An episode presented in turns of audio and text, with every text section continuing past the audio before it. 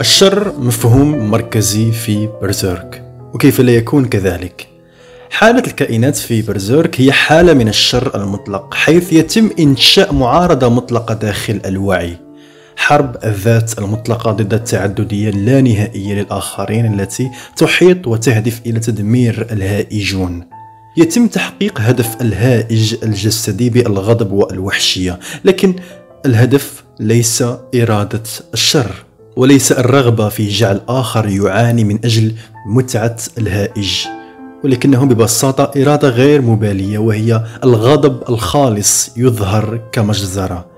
إنه يدمر يمزق ويمزق لأنه مضطر ميكانيكيا لوجوده كوجهة نظر مغتربة وكوجود في العالم.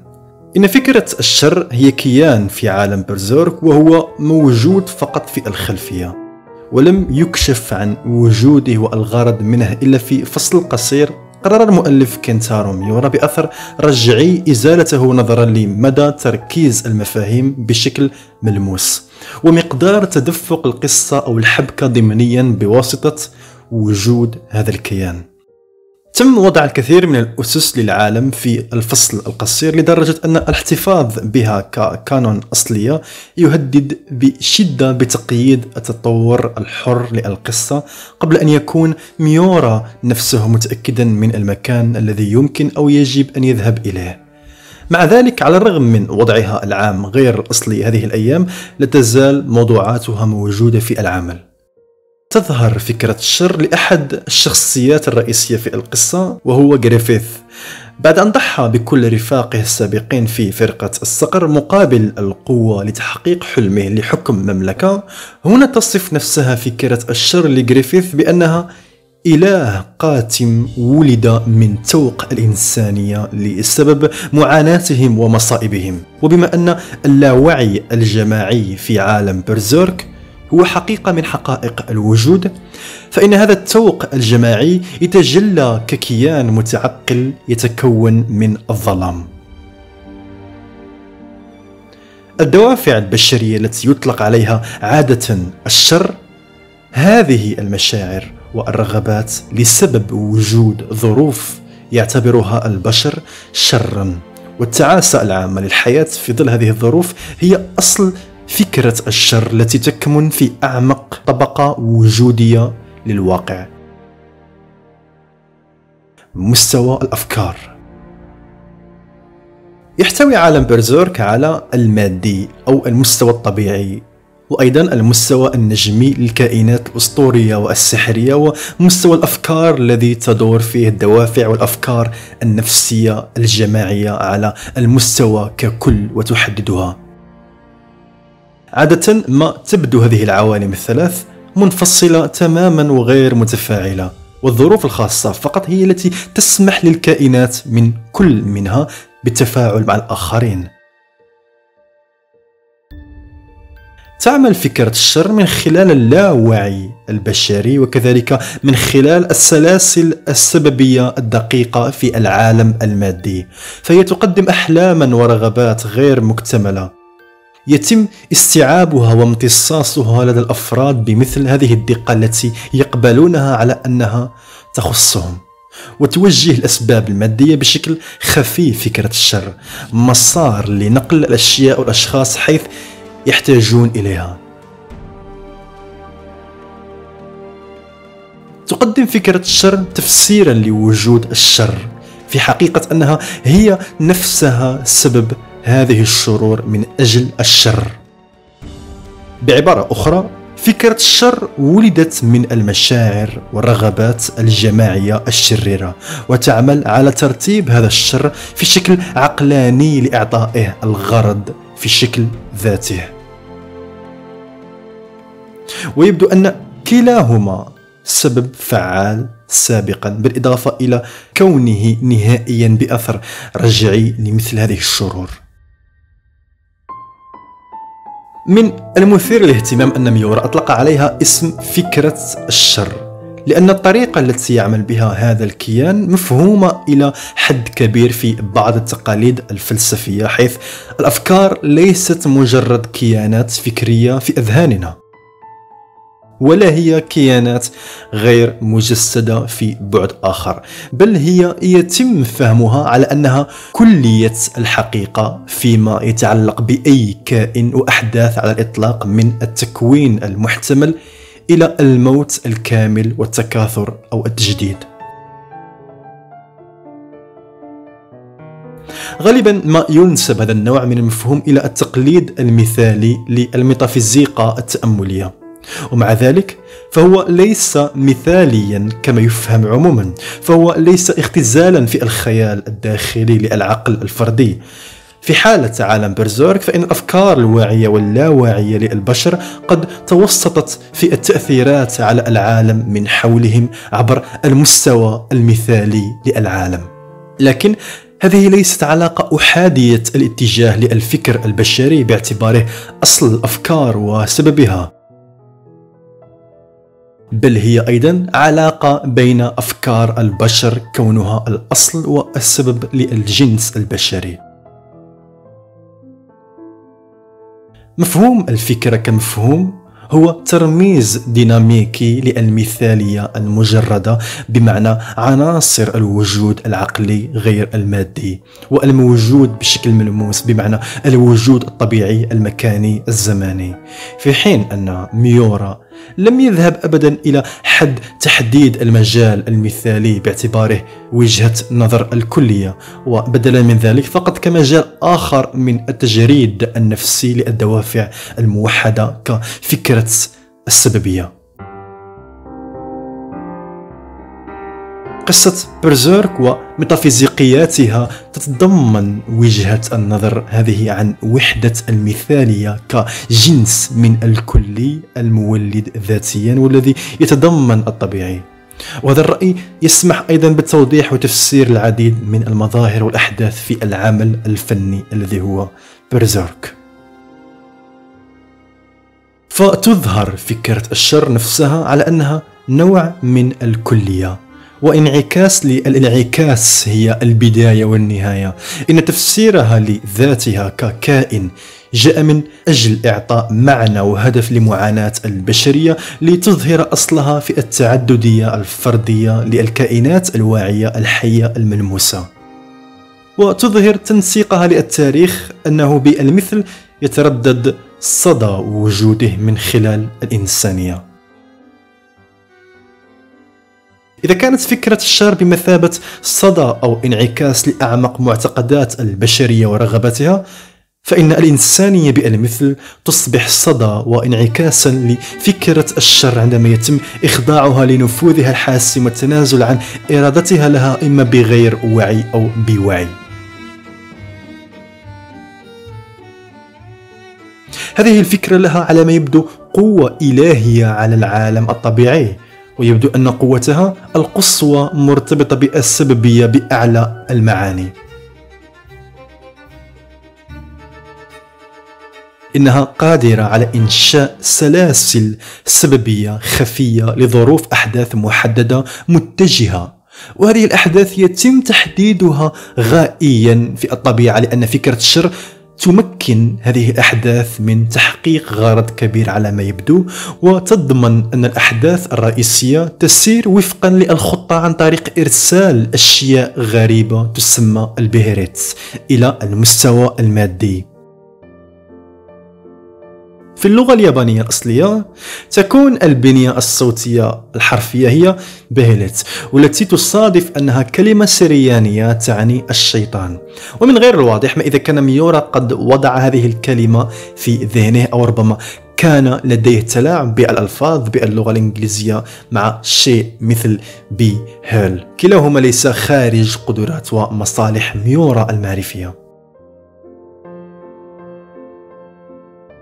فتفتح البيليت للشخص المختار فاصلا من العالم النجمي والمادي.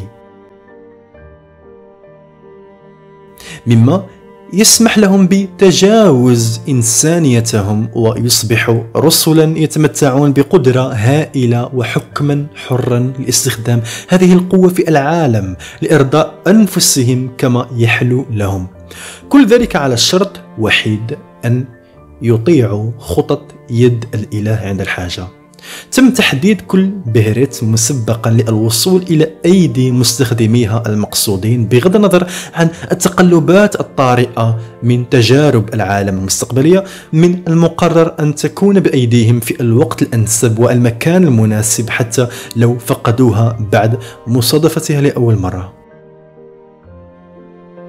نرى في جميع أنحاء القصة لا سيما مع جريفيث أن فكرة الشر ستدفع الجريان السببي للأحداث بمهارة شديدة للتأكد من أن هذا هو الحال ندرك أن ولادة جريفيث وحياته هي بحد ذاتها جزء من خطة ظهور استعدادا للتنفيذ. إن كل شيء تقريبا عن حياته وإحباطاته ورغباته وطموحاته ومحنه وتضحياته الشخصية هو من صنع فكرة الشر حتى يلعب الدور الذي أعدته له. لا يعني ذلك أن فكرة الشر لها سيطرة سببية مطلقة.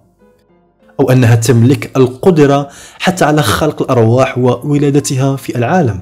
بل إنها تملك قوى معرفية هائلة ومعرفة بالسببية في العالم المادي. كما أن لديها ما يكفي من القوة للتأثير الخارجي بحيث يمكنها توجيه هذه السلاسل السببية بدفعات كلما كان ذلك ضروريا إلى نهاياتها كيف نعرف أن فكرة الشر ليس لها قوة سببية مطلقة؟ بسبب فارس الجمجمة وغاتس اللذان يقفزان فوق جريان أو تيار السببية.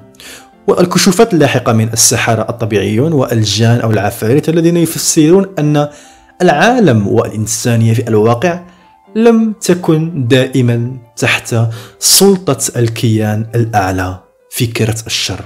لذلك لا يمكن لفكرة الشر إلا أن تجعل المرء يميل إلى أخذ عروض القدرات التي تقدمها من خلال البهرت ولكن يمكن رفض هذه التجارة يمكن إنكار فكرة الشر ويمكن الإصرار عليها. وإذا نشأت من الرغبات والمعتقدات البشرية فيمكن أن تنشأ فكرة أخرى مرارا وتكرارا. في أول arc من القصة نشهد جاتس يطارد رسولا حواريا باعتباره الكونت. يبدو أنه مفرط الحماس ليأتي جاتس على رأس الكونت عندما يتم إنقاذه لأول مرة من قبل خادم هارب من الكونت.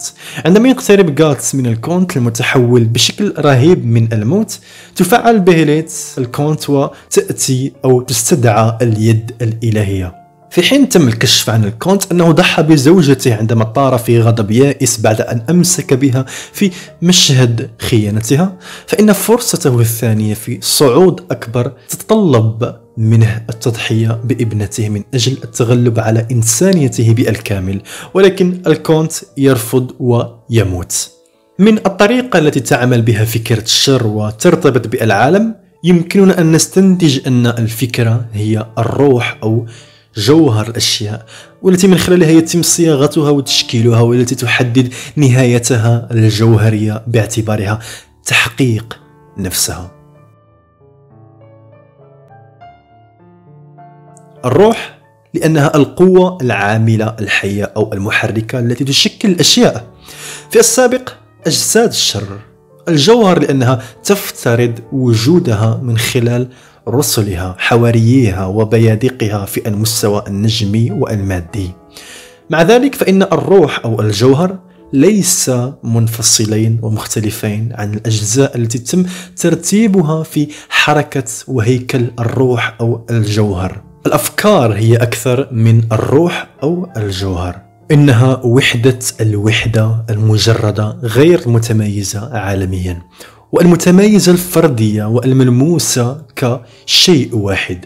كما تسمى بالقوانين والقوى الطبيعية للكيانات المادية في الفيزياء؟ فكذلك وحتى أكثر دقة هي فكرة الشيء بالنسبة للشيء المعني. لن تكون فكرة الذرة مجرد القوانين التي تربط الذرة وتشكلها ولكن العملية المعقولة والتفسيرية التي تنشأ من خلالها الذرة من طبيعة المكان والزمان والمادة بحيث ترتبط هذه الذرة ببعضها البعض ذرة وحيث تكون كل من الذرة والقوى حقا تحديدا لطبيعة واحدة تنتج وتنتج في دائرة من الوجود الذاتي المتبادل وبالتالي الوجود الفوري. هذا كل ما يقال عن الأفكار على هذا النحو هنا ولكن ماذا عن الشر في حد ذاته؟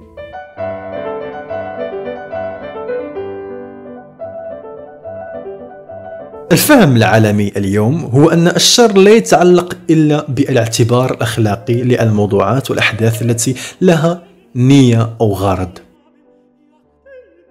الناس الشرار بقدر ما يرغبون في أشياء شريرة والأشياء الشريرة فقط لأنها تنتج عن القصد بغض النظر عن الخطأ المتصور في الناس أو تجاههم. لا يوجد هنا مجال للمفهوم القديم الذي لا يزال حيا من الناحية اللغوية بأنه يمكن أن يكون هناك أشياء وأشخاص هم ببساطة شريرون شر وجودي وموضوعي دون أن يكون لديهم أي هدف مقصود لارتكاب الشر. ولا ينظر هؤلاء إلى أفعالهم وعواقبهم على أنها شر. مفهوم الشر الموضوعي ونوعية الشر في الوجود غائبة كليا عن وعي العقل الحديث. ومع ذلك فإن مفهوم الشر الموضوعي موجود في الطرق اليومية التي نتعامل بها مع أشياء معينة.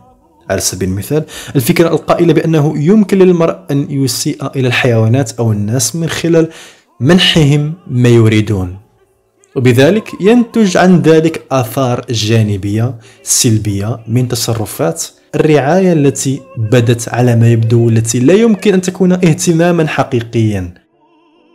مثال آخر هو السيناريوهات الافتراضية الرهيبة والرائعة أحيانا للنفعية. وهنا يجلب إلى الذهن مثال الكمبيوتر الحيوي الفائق حيث يمكن لتعظيم المنفعة أن يبرر المعاملة اللامبالية واللا إنسانية للكائنات الواعية والعقلانية ببساطة كضمان لتحقيق الصالح العام ماذا يمكن أن يكون الشر الموضوعي؟ إن فكرة الشر تتعلق بالشر كتفسير ولكن ما هو الشر بالضبط؟ يد الإله بقدر ما تظهر في القصة بأكملها تؤله وتمجد الشر على أنه إلهي الرسل في أغلب الأحيان ينفذون الشر ببساطة وهم المثال الأكثر واقعية على ذلك. ما نجده على أنه الحقائق الملموسة للشر هو ما يلي. إعطاء الذات للرغبة واكتساب القوة من خلال التضحية بجزء من الإنسانية أو كلها وقبول المحدودية الراديكالية في شن النفس بشكل فعال في الجحيم. مثل دوامة الأرواح التي تغذي فكرة الشر بمجرد موت المرأة. لذلك فإن للشر علاقة جوهرية بما نفهمه على أنه أنانية وخاصة الأنانية التي تؤذي الآخرين أو تدمرهم. يتعلق الأمر بالوحشية بقدر ما هو مطلب لا مفر منه لتحقيق كيان الشر. كما أن لها علاقة بنتائج تدمير الذات ومصير الجحيم لأولئك الذين يشتبكون به. لكي يصبح الإنسان رسولا حواريا يجب أن يقدم التضحية. فهذه التضحية هي بالضرورة قطع جزء أساسي من الإنسان عن نفسه. من المفهوم أن التضحية هي بالتأكيد خسارة ما يضحي به المرء ومع ذلك ليس من المفهوم عموما أنه في التضحية تلغى الذبيحة كذبيحة لمن يقدمها. لقد قطع الإنسان الذي يولد من جديد كرسول الاتصال بما تم التضحية به. وهذا الارتباط هو الرغبة في التضحية بنفسه وبالتالي لا يوجد ندم على هذه التضحية لأنه بعد الفعل الإرادي لم يعد من الممكن اعتبارها تضحية. فالتضحية بأحد أفراد أسرته أو بشيء ما في هذه الحالة هو التضحية بهذا الحب نفسه والانفصال عنه نهائيا في حين أن شياطين برزيرك تعتبر نفسها أكثر من بشر وتنظر إلى البشر على أنهم أقل من البشر إلا أنهم في الواقع أقل من البشر الحواريون. إنهم قوة موهوبة من شجرة الحياة التي يضرب بها المثل بثمن شجرة المعرفة. يتاجر الحواري المحتمل بألقوى الأنطولوجية الوجودية للنفس وقوة الاعتراف وقوة الإرادة الحرة من أجل القوى الغاشمة للجسد وقوى حياته. تضحية الرسول المحتمل هي تضحية عبقري يضحي في اليأس بفكره ويصبح غبيا جدا بحيث لا يدرك أنه كانت لديه من قبل تلك العبقرية ويفقد عقله العظيم على الإطلاق. إنها في الحقيقة ليست تضحية بعد أن تم الاختيار لكنها خطوة إلى أسفل السلم الوجودي. قوى الحياة ليست أعلى من قوى العقل من الناحية الوجودية. بل هي في الواقع أقل من قوى الشعور والعقل لا تكون المقايضة ذات قيمة متساوية لآخر. وتتمثل المقايضة في تقديم تضحية غير محدودة حرفيا وعزل المرء عن نطاق كامل من الوجود والتفاعل في مقابل مكسب كبير ولكنه محدود في القوى في مجال الحياة. أن تصبح رسولا هو في الواقع خسارة صافية ولا تنكر يد الإله ذلك. يتم إخفاء الخسارة اللانهائية تحت القوة المكتسبة لكنها تتجلى في المصير اللامتناهي للجحيم بمجرد موت الحواري. الجحيم عبارة عن دوامة من الأرواح حيث تمزق الذاكرة الموتى في هاوية فكرة الشر حتى يصبح مجرد تجريد للذات تم اختزاله إلى رغبة جوفاء. تلك الرغبات والأفكار المظلمة غير المكتملة التي تشكل فكرة الشر نفسها كيف يمكن لأي شخص أن يقبل مثل هذا التبادل بدراية؟ لأنهم حمقى يعتقدون أنهم يستطيعون حماية أنفسهم من هذا المصير. يتوقع كل رسول أنه لن يموت أبدا في عالم مليء بالبشر الضعفاء. ويبدو أنهم يبقون بعيدا عن طريق الرسل الآخرين لتجنب احتمال مميت قدر الإمكان. يقول أرسطو أي شخص لا يستطيع أن يعيش الحياة المشتركة أو متمتع بالاكتفاء الذاتي بحيث لا يحتاج إلى ذلك ومن أجل ذلك الغرض لا يشارك في المجتمع فهو إما وحش أو إله. الشر هو المحدود أي أن الشر هو الذي ليس له كائن أو غرض غير محدود. ما هو الشر لا يمكن أن يتجاوز نفسه؟ فهو يقتصر على نفسه في الاعتبار وفي الواقع. ما هو غير إنساني في الرسل هو بالتحديد عدم قدرتهم على تجاوز الذات والتواصل مع الآخرين. يجب التضحية بالحب لأن الحب هو كائن لا نهائي في علاقة مع الآخرين. عندما يعزل المرء نفسه عن الآخرين تماما يكون هناك إنهاء للذات من الناحية المثالية والجسدية. في المجتمع والشركة يمكن للناس أن يعيشوا وراء أنفسهم من خلال ترك إرث يتذكره الآخرون ويحملونه إلى الأمام بعد فترة طويلة من موت الجسد. أولئك الذين يتركون الأفكار هم البشر الذين سيعيشون أكثر عمرا لأنهم يستمرون في العمل في العالم من خلال الآخرين الذين يشاركونهم تلك المثل العليا. لكن الرسول الحواري ليس له مثل وليس له مجتمع. جسده المفرد هو كل ما في الأمر وعندما يموت الجسد كذلك يموت الفرد.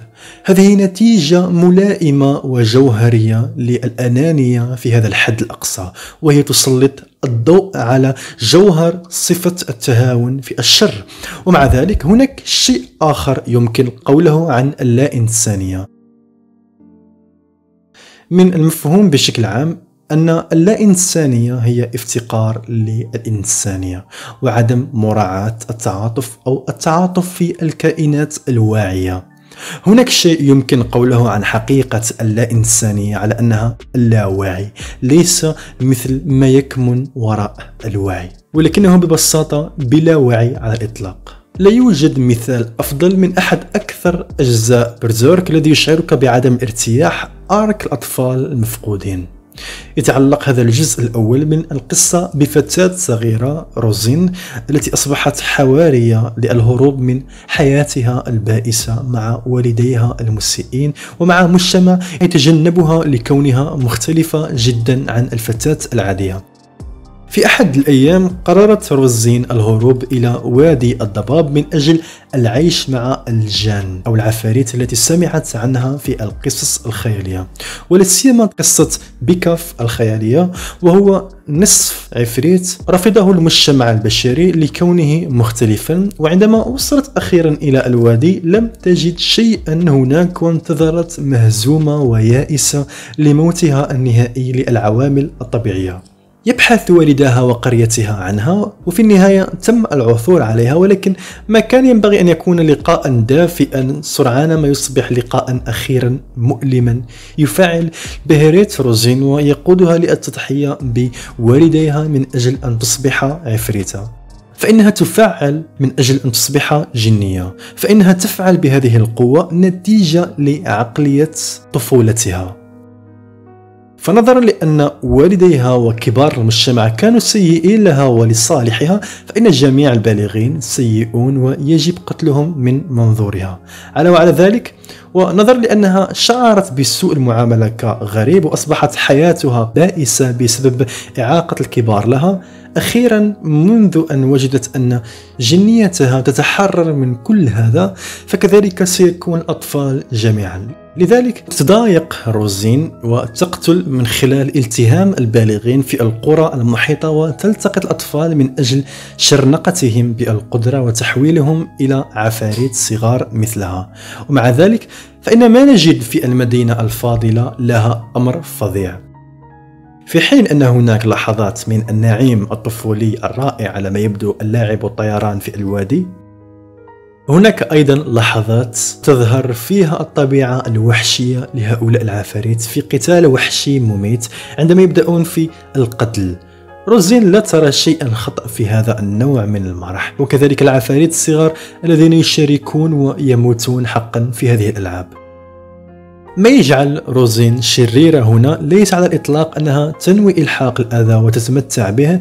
ما يجعلها شريرة هي أنها لا تدرك حتى ما تفعله وتسببه على أنه أي شيء ذي أهمية أخلاقية. فلا تستطيع روزين حرفيا أن تفهم أن ما تفعله خطأ. لذا لا يمكن أن تقتنع بأنه لا ينبغي لها أن تفعله.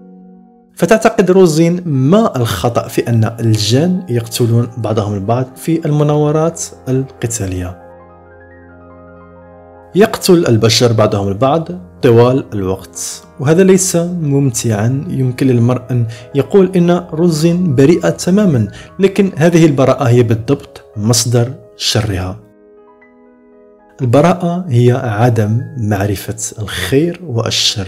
وهي عدم المبالاة بالأسباب والعواقب لأن المرأة لم يحقق الاعتراف أو الإدراك العالمي. يقال عادة أن الطبيعة لا تهتم وهذا صحيح. فالطبيعة شريرة على وجه التحديد لأنها لا تهتم لأن الطبيعة هي عالم من المحدود اللانهائي حيث تكون كل الأشياء خارج بعضها البعض وتجتمع معا في ظل حالة هذه العوامل الخارجية التي لا يمكن التغلب عليها في الطبيعة وداخلها. الشر الطبيعي هو طائش وبدون نية. فالكائنات الواعية هي ببساطة ضمنية للقوى العمياء التي تنتقل من جسد إلى آخر. وفي المكان والزمان تتفكك كل الأشياء ولا تتحد بشكل كامل أبدا لأن وجود الطبيعة بحد ذاته خارجي. فإن أي مناشدة لها كأساس لغايات عالمية غير محدودة يقع بالضرورة في النهاية ويجب أن تكون شريرة في نهاية المطاف إذا لم يتم تجاوز هذه العوامل الخارجية. تكمن طبيعة الطبيعة في أنها تفتت إلى ما لا نهاية إلى كيانات محدودة تقع خارج بعضها على الفور التي لا توجد إلا في أعمق مستويات الوساطة التي تتجاوز كيانها المادي المباشر التي تم الكشف عنها لتكون مرتبطة جوهريا وداخليا. إذا ناشد المرء الطبيعة من أجل غايات المرأة فإن المرء يصل إلى استنتاج العدمية لأنه لا يمكن أن تكون هناك نهاية عندما ينظر إلى الطبيعة كلها على أنها ميكانيكية وخارجية إلى الأبد دون نهاية يجب البحث عنها. أو يصل المرء إلى نتيجة مفادها أنه على الرغم من ذلك لا توجد غاية فردية طبيعية. فهناك شكل من أشكال تحقيق الغايات التي يبررها كيان الطبيعة نفسه. القوة الغاشمة. ما يجعل الإرادة والنية شريران هو أنها سترغب فقط في نهاية محدودة. واحدة لا تتجاوز الحد الذي تم إعطاؤه في نهاياتها والتي في كونها محدودة هي بمفهومها ذاته ووجودها اللاحق محكوم عليها بنفس السرعة. لكن قد يتساءل المرأة ما الذي يجعل المحدود مطابقا للشر؟ لماذا يجب أن يكون هذا الحد؟ إن مفهوم المحدود هو ما هو محدود ومقيد ولكنه لحظة عابرة في تتابع لا نهاية له للوجود حيث لا يدوم شيء. المحدود بحد ذاته ليس شرا. إنه في الواقع خير ضروري لكي يتحقق الخير المطلق. الشيء الوحيد الذي يجعل الشر المحدود هو أنه يعيق التطور الأعلى. فالشر هو خير ضروري تجاوز الترحيب به وهو عنصر لا يقبل حدوده ويتخطى جزءا من الوجود حيث لا ينتمي وحيث يكون وجوده ذاته لا يفسد المجال الذي يتطفل عليه فحسب بل يلغي المجال الذي يحافظ على مصدر الشر. الأشياء المادية محدودة بقدر ما لها بداية أو نهاية مكانية وزمنية. الكائنات النفسية محدودة بقدر ما تهتم مشاعرهم أو تدفعهم بإلغايات المحدودة. فقط مثل الإشباع الفوري للرغبات دون أي اهتمام بظروفها وتأثيراتها على الذات أو على الآخرين. الحيوان المستهلك سيعد اليد التي تطعم. ولا يميز بين الصديق أو عدو أو الشيء غير مبال في حاجاته العمياء لإشباع الرغبة. حتى إذا كان هدف الرغبة يتجاوز الوجود المباشر للفرد مثل مجموعة أوسع ولكن لا تزال محدودة. على سبيل المثال قد يحب المرء الجنس البشري مثل الكل مع البقاء في مجال الغايات المحدودة لأن هذه النهاية العاطفية تهم فقط الجنس البشري ضد كائنات غير بشرية قادرة وذكية بنفس القدر. الآخرون للكائن الشرير كيانات تجاهها اللامبالاة هي طريقة العلاقات في أحسن الأحوال والعداء العنيف في أسوأ الأحوال.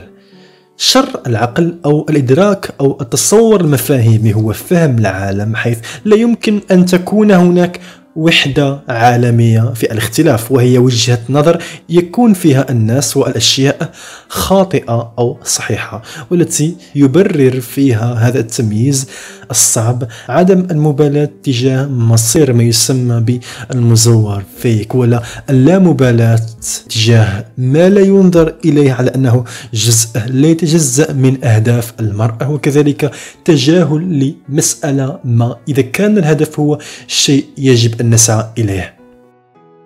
مادة وقوى الطبيعة شريرة لأن في جوهرها قوى غير مبالية بالخصوصيات. فقطعة واحدة من المادة هي جيدة مثل أي قطعة أخرى وتوضع تحت نفس ظروف القوى التي تتحرك وتؤثر وتتأثر بالآخر بنفس الطريقة بالضبط. هذا هو أساس القول بأن هناك بالفعل شرورا طبيعية. كوارث الطبيعة التي هي شر ليس فقط بسبب الآثار التي تحدثها ولكن لأنها غير مبالية تماما بما تؤثر عليها. المجاعة والعاصفة والزلزال والبركان هي مجرد لعب من قوى الطبيعة العمياء التي في مجرد كونها لها عواقب غير مقصودة لتدمير ليس فقط حضارات بأكملها ولكن الأنواع بأكملها وعوالم كاملة من الحياة وعجائب طبيعية بأكملها من الجنة والجمال على حد السواء. الكائنات الحية شريرة. لأن الحياة لا تعرف شيئا عن قدسية الفردية ولا شيئا عن قيمة الحياة الجيدة بل فقط قيمة النوع. لا تستهلك الحياة العالم غير الحي من المواد الكيميائية والمعادن فحسب بل تستهلك أيضا العالم الحي أيضا. الطفيلي والبكتيريا والحيوان المفترس لا يفعلون شيئا في عالمهم بدافع الرغبة في خلق المعاناة أو الدمار. من طبيعتهم فقط أن يفعلوا ما يشاءوا ويفعلون كما يفعلون وهذا الأمر اللامبالي والعامي لمحركات الأقراص يحدث فقط لخلق حالات من الألم والفوضى بقدر ما تخلق حالات من النعيم والوئام. الحيوان على هذا النحو هو أيضا شرير لأنه حتى عندما يرتقون إلى أعلى المستويات الاجتماعية فإن ذلك لا يقوم على أسس عالمية لا نهائية مفهومة ولكن فقط على أساس طبيعة عاطفية ومعرفية تتخطى الفرد إلى القطيع. وأحيانا ما وراء القطيع إلى أنواع أخرى. يفتقر الحيوان إلى القدرة على معرفة وفهم الشمولية اللانهائية. وعلى هذا النحو بغض النظر عن مدى اتساع مجال الشعور الإيجابي فإنه يعيش في عالم يكون وجوده فيه شريرا والذي يعتبر العالم الذي يسكن فيه شريرا أيضا. لأنها تستهلك وتدمر بشكل عشوائي. أينما ذهبت ومع ذلك فهي تتصرف بغض النظر عن نواياها أو معرفتها تماما مثل البيئة المحيطة بها في حرب مستمرة من أجل الوجود حتى في توازنها. مثلما يمشي البشر على الأرض دون تفكير في الكائنات الدقيقة التي يسحقونها فكذلك كل الطبيعة الشريرة كذلك. الكائن البشري كائن روحي. هو الكائن الوحيد الذي قد يسيء إلى الشر بقدر ما ينفعه.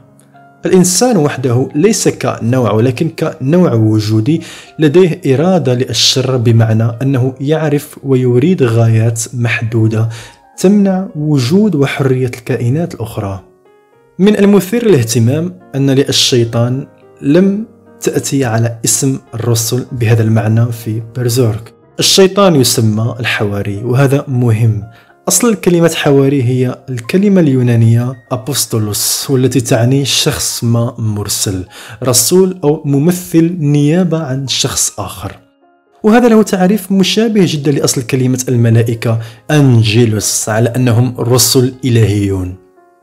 الرسل في برزورك ليسوا عملاء منفردون عصاميون خلقت الشياطين لغرض ما إنهم رسل لكنهم رسل لمن؟ قد تكون الاستجابة الفورية هي اليد الإلهية والملائكة والخدم المباشرون لفكرة الشر الذين ينفذون الخطط ويؤدون السلاسل السببية الرئيسية إلى حيز التنفيذ. لكن يد الإله أنفسهم مجرد رسل لفكرة الشر فهم عبيد كاملون لسببيتها.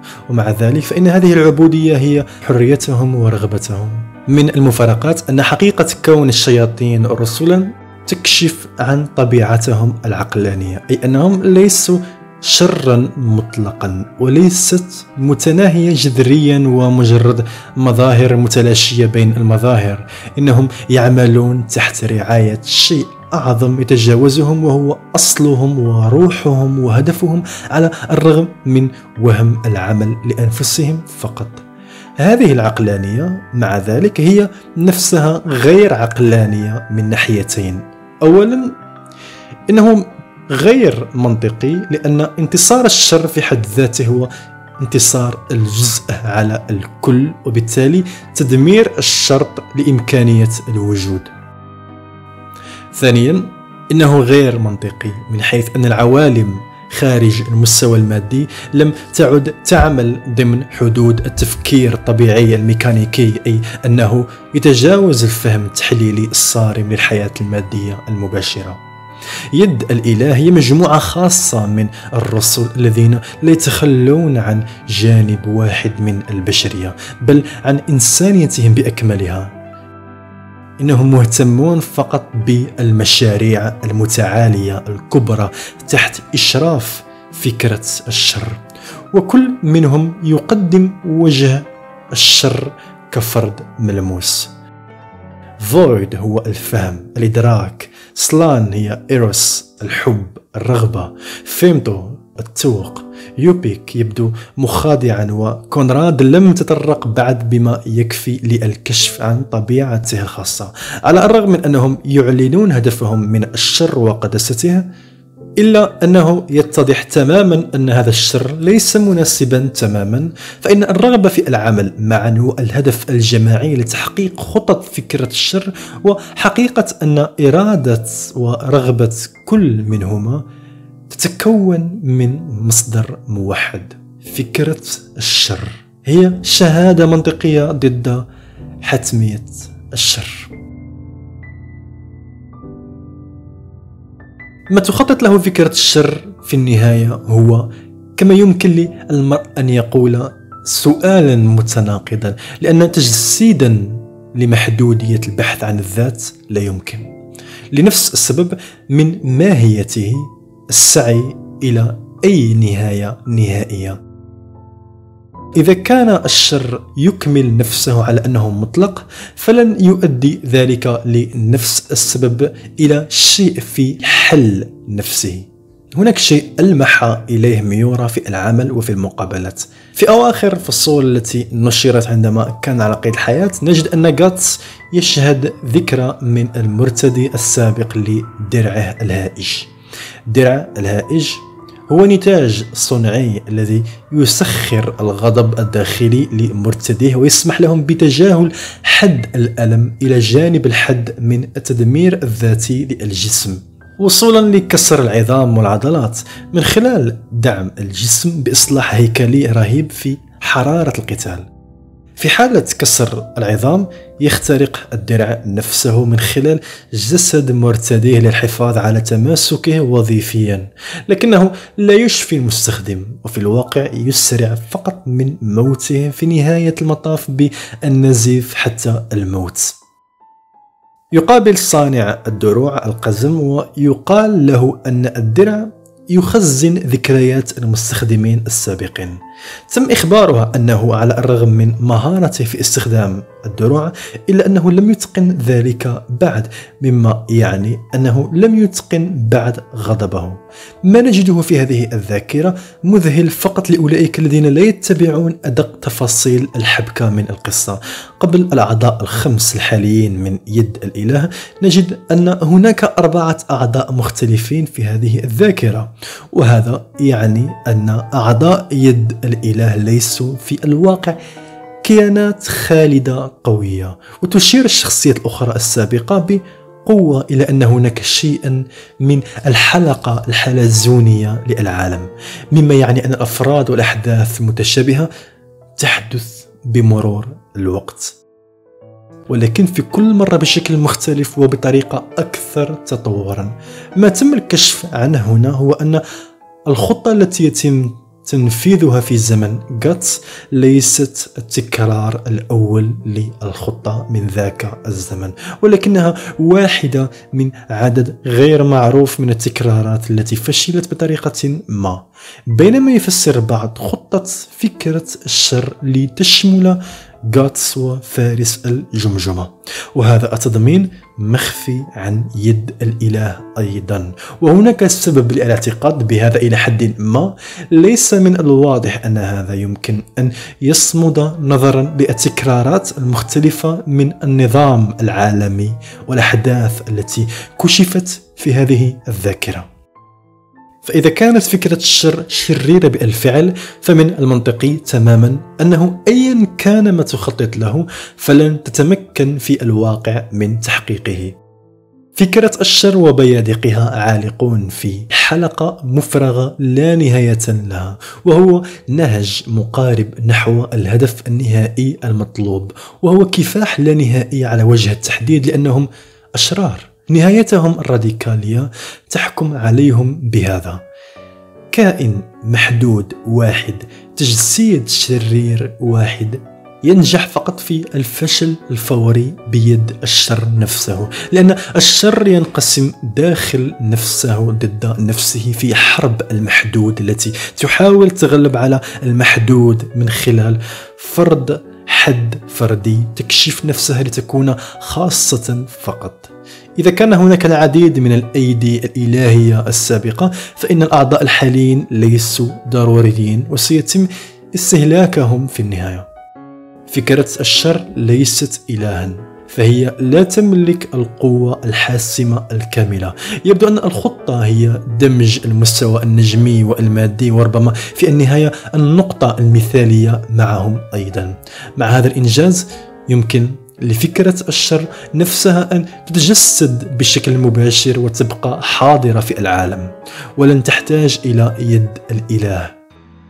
مثل هذا الدمج سيكون أقرب إلى الانغماس في هذه الفكرة لكن بفعلها هذا سيمحوها تماما مثلها مثل أي شخص في العالم. إذا حاولت فكرة الشر دمج المستويات من أجل ممارسة نفوذها وسيطرتها بشكل أفضل وهذه العمليات من دمج المستويات من العوالم فشلت. فلا يوجد سبب للاعتقاد بأن المحاولة الحالية ستحقق المزيد من النجاح. لذلك قال ميورا في المقابلات إنه كان يعلم بالفعل أن القصة سيكون لها نهاية إيجابية. لا يمكن لفكرة الشر ورسلها أن يتغلبوا منطقيا على الخير لأن مصير الشر هو من تلقاء نفسه. فإنه يتغلب على نفسه كشر بمحو نفسه من الوجود. على الرغم من أنه يمكن للمرء أن يتخيل أن الشر المؤقت يرتفع ويهبط إلى ما لا نهاية فإن الشر المنطقي بحد ذاته يرتفع فقط ليسقط ولا يرتفع مرة أخرى كشر. ولكن فقط عندما يتم وضع المحدود بشكل صحيح في اللانهاية للوحدة الحية في العالم.